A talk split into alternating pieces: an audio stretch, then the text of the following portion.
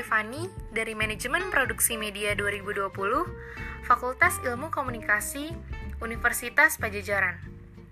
Apa sih pilihan gue kalau disuruh pilih radio atau podcast? Pastinya gue lebih pilih radio dong. Radio, satu suara berjuta telinga. Cocok banget kan buat ngedefinisiin radio? Banyak orang yang dengerin radio di saat melakukan aktivitasnya. Maka dari itu, radio sampai sekarang merupakan media yang dapat menjangkau pendengar kapan pun dan di mana pun. Alasan utama kenapa gue lebih pilih radio, karena gue pengen banget jadi penyiar radio dari dulu. Radio itu menurut gue fun dan free banget.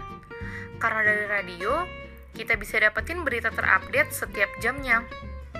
Topik yang dibahas tuh selalu menarik dan relate banget sama kehidupan kita. Di radio, playlistnya juga nggak ngebosenin, dan kita juga bisa request lagu dan kirim salam. Radio bisa banget loh jadi teman di kala gabut kita. Contohnya, radio tuh solusi di saat macet banget kan? Biar nggak bosen selama di jalan, orang-orang pasti selalu dengerin radio. Selain itu, radio juga gratis. Radio bisa didengarin di mana aja tanpa internet sekalipun. Harapan gue, semoga radio tetap masih jadi media favorit ya buat kalian. Gue yakin sampai gue tua nanti, radio tetap eksis di zaman gue. Oke, segitu aja. Thank you yang udah mau dengerin sampai akhir. Goodbye.